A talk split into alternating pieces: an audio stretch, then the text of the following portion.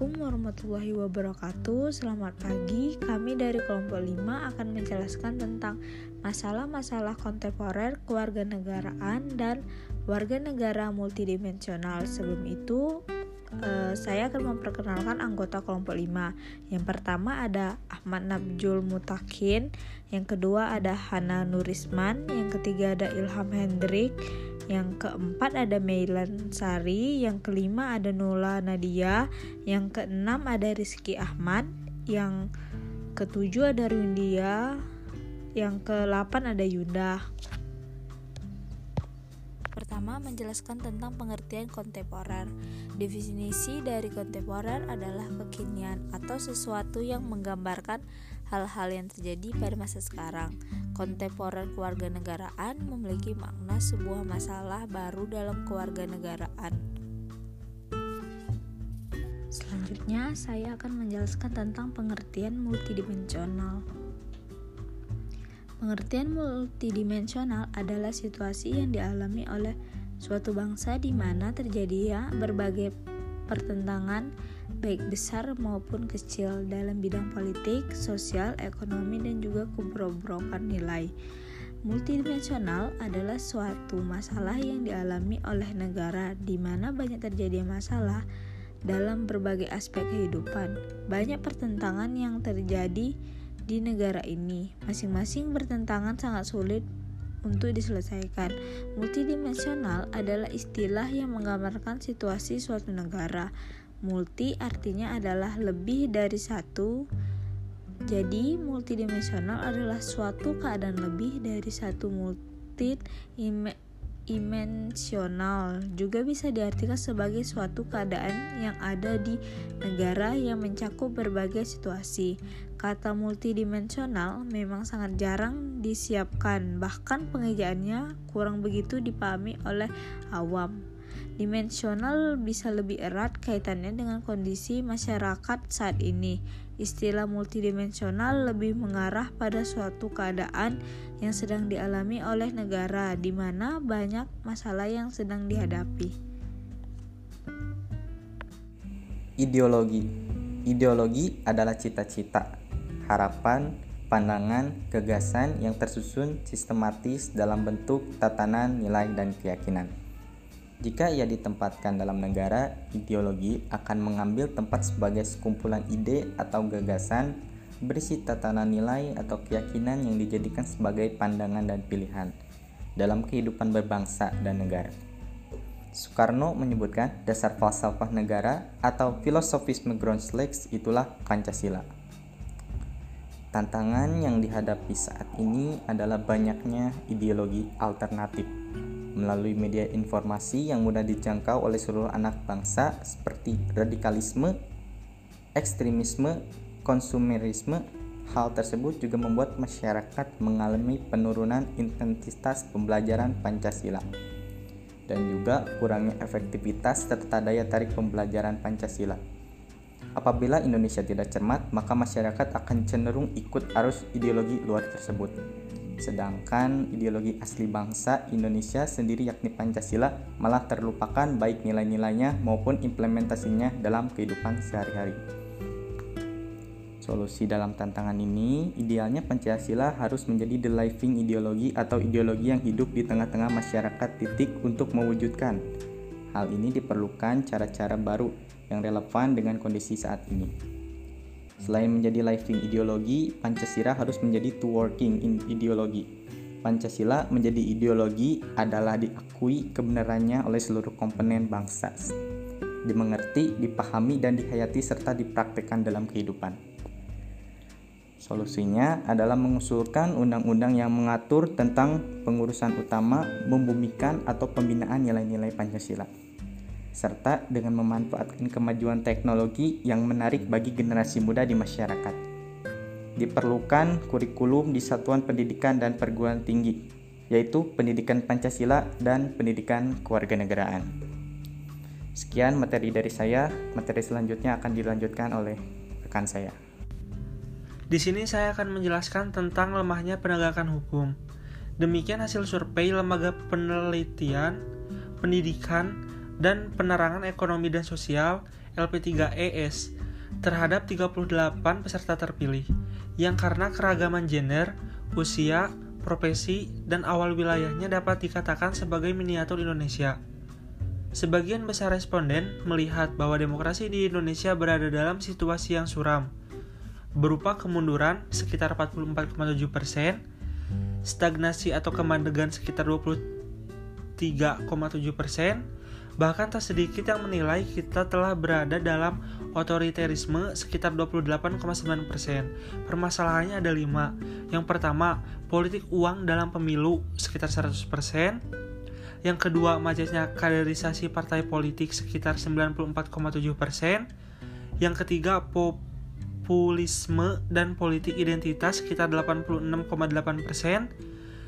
Yang keempat, hilangnya oposisi sekitar 92,1 persen. Dan yang kelima, korupsi politik sekitar 100 persen. Solusi dari permasalahan tersebut adalah masalah utama penegakan hukum di negara-negara berkembang khususnya Indonesia bukanlah pada sistem hukum itu sendiri, melainkan pada kualitas manusia menjalankan hukum. Dengan demikian, Peran manusia yang menjalankan hukum itu menempati posisi strategis. Masalah transparansi penegak hukum berkaitan erat dengan akuntabilitas kinerja lembaga penegak hukum, serta memperbaiki kualitas penegak hukum atau aparat hukum sebagaimana yang kita ketahui kondisi real yang terjadi saat ini di Indonesia mengi mengindikasikan adanya kegagalan aparat-aparat penegak hukum dalam menegakkan hukum karena kondisi ketidakmampuan dan ketidakmauan dari aparat penegak hukum itu sendiri dan menjadi pelaku penerima suap seolah-olah hukum itu mudah dibeli. Masalah kontemporer yang pertama dalam bidang ekonomi yaitu kemiskinan. Indikator yang digunakan oleh World Bank adalah ukuran daya beli, sedangkan pada Badan Pusat Statistik BPS mengartikan bahwa kemiskinan berdasarkan pada garis kemiskinan. Nilai garis kemiskinan yaitu kebutuhan minimum yang dibutuhkan seseorang. Kebutuhan minimum seseorang adalah 2100 kalori per kapita. Kemudian ditambah dengan kebutuhan dasar yaitu kebutuhan berupa non pangan seperti sandang, papan, sekolah, kebutuhan rumah tangga dan transportasi. Menurut BPS, mereka yang mempunyai pengeluaran lebih rendah dari garis kemiskinan dapat dikatakan miskin. Konsep kemiskinan bersifat multidimensional. Menurut Cokro-Winoto, kemiskinan bukanlah sekedar persoalan kesejahteraan, Kemiskinan juga menyangkut persoalan kerentanan, ketidakberdayaan, tertutupnya akses berbagai peluang kerja, dan lain-lain. Jumlah penduduk miskin pada Maret 2020 sebesar 26,42 juta orang, meningkat 1,63 juta orang terhadap September 2019. Indonesia dikatakan negara kaya apabila ditinjau dari sumber daya alamnya, namun, pada kenyataannya, Indonesia merupakan negara termiskin di dunia yang mendapatkan peringkat 68 dilihat dari jumlah GDP, di mana GDP per kapita adalah 3.900. Faktor kemiskinan di Indonesia dapat disebabkan oleh berbagai faktor, di antaranya adalah tingkat pendidikan yang masih rendah, masih terbatasnya lapangan pekerjaan, malas bekerja, beban keluarga, dan keterbatasan sumber alam. Solusinya adalah pemenuhan kebutuhan dasar masyarakat miskin atas pendidikan, kesehatan, dan infrastruktur dasar. 2. Reformasi anggaran subsidi. 3. Peningkatan kesempatan berusaha dapat melalui program seperti program pengembangan kecamatan PK, PPK, lalu pro, program peningkatan pendapatan petani dan nelayan kecil P4K, ataupun pemberdayaan usaha mikro dan lain-lain. Yang selanjutnya saya akan membahas mengenai masalah pertumbuhan ekonomi atau industrialisasi. Indonesia merupakan salah satu negara yang memiliki warga yang sangat beragam, Dan dari keberagaman tersebut, maka akan ada banyak kepala keluarga. Kebutuhan yang muncul pun semakin hari semakin meningkat. Sedangkan pada kenyataannya, saat ini sudah tidak seimbang antara kebutuhan masyarakat dengan tingkat ekonomi yang ada. Permasalahan yang terjadi pada sektor ini dikarenakan Indonesia kekurangan tenaga ahli kesukaran kesukaran sosial seperti pertumbuhan penduduk dan kebutuhan akan berbagai jenis industri. Dominannya mental agraris, lapangan kerja yang terbatas, serta penghasilan yang tidak mencukupi. Jumlah pengangguran yang diperoleh dari data pada tahun 1997 sebanyak 4.197.306 orang dan meningkat pada Agustus 2011 menjadi 7.786 orang dan kebanyakan yang merupakan pengangguran tersebut adalah kaum intelektual. Agar hal ini tidak terus terjadi di Indonesia dan supaya ekonomi Indonesia lebih membaik dari sebelumnya, diperlukan solusi yaitu di antaranya yang pertama mendorong percepatan pembangunan infrastruktur di Jawa Barat yang akan mendukung tumbuhnya sektor-sektor ekonomi potensial mendorong berkembangnya sektor ekonomi yang potensial daerah sebagai sumber pertumbuhan baru yang disesuaikan dengan karakteristik daerah. Yang ketiga, meningkatkan kapasitas sumber daya manusia atau SDM melalui pendidikan vokasi dan meningkatkan skala ekonomi dan kapasitas industri kecil dan menengah atau IKM di Jawa Barat. Dan yang terakhir yaitu meningkatkan nilai tambah hasil produk pertanian. Sebagai contoh dari kasus kesenjangan sosial, yaitu banyaknya peniruan budaya asing yang negatif yang diakibatkan terlalu bebasnya peraturan budaya. Di zaman sekarang, ini sudah tidak bisa dihilangkan. Peniruan budaya menjadi salah satu kebiasaan setiap individu dalam menjalankan kebiasaan hidupnya. Mulai dari remaja sampai orang dewasa pun sudah terpengaruh oleh kebudayaan luar, seperti perubahan perkembangan pergaulan yang kebanyakan tidak mencerminkan masyarakat sosial. Untuk saat ini, setiap individu sangat menjunjung kebebasan dalam menjalankan kebiasaannya khususnya kalangan remaja yang sedang asiknya mencari dan mencoba kebiasaan. Dalam kehidupan masyarakat ini sudah sangat menyimpang dari norma atau peraturan yang ada. Tetapi karena kuatnya pengaruh luar mengakibatkan tidak ada efek jerak, melainkan menjadi sebuah kebiasaan. Kultur budaya yang sudah diterapkan sejak dulu akan musnah seiring berjalannya waktu karena perubahan alus globalisasi yang akan terus berkembang. Solusi dari masalah tersebut adalah kita harus memiliki sikap yang kritis dan teliti. Kita harus menanamkan dalam diri kita bahwa kita orang Indonesia yang cinta dengan Indonesia. Selanjutnya ada masalah kontemporer dalam aspek sosial dan budaya. Dalam kehidupan masyarakat, gejala-gejala sosial dan gejala-gejala budaya hampir selalu atau saling berhubungan dan berpengaruh sehingga gejala dan kebiasaan sosial tidak bisa dipisahkan dari gejala dan kebiasaan budaya. Demikian pun sebaliknya, sistem sosial budaya merupakan sistem paduan dari sistem sosial dan sistem budaya, sehingga menjadi suatu sistem kemasyarakatan yang meliputi hubungan sosial yang dengannya manusia dalam masyarakat menghasilkan dan mengembangkan unsur-unsur budaya. Untuk memenuhi hajat sosial dan budaya, suatu masyarakat dalam melangsungkan dan mengembangkan kehidupan sosial budayanya. Dinamika dan perkembangan sistem sosial budaya sangat berhubungan dengan keadaan wilayah dan ke kewilayahan sosial dan budaya, kependudukan, unsur-unsur kebudayaan yang mengandung hasil-hasil kebendaan, dan pemikiran manusia dalam masyarakat.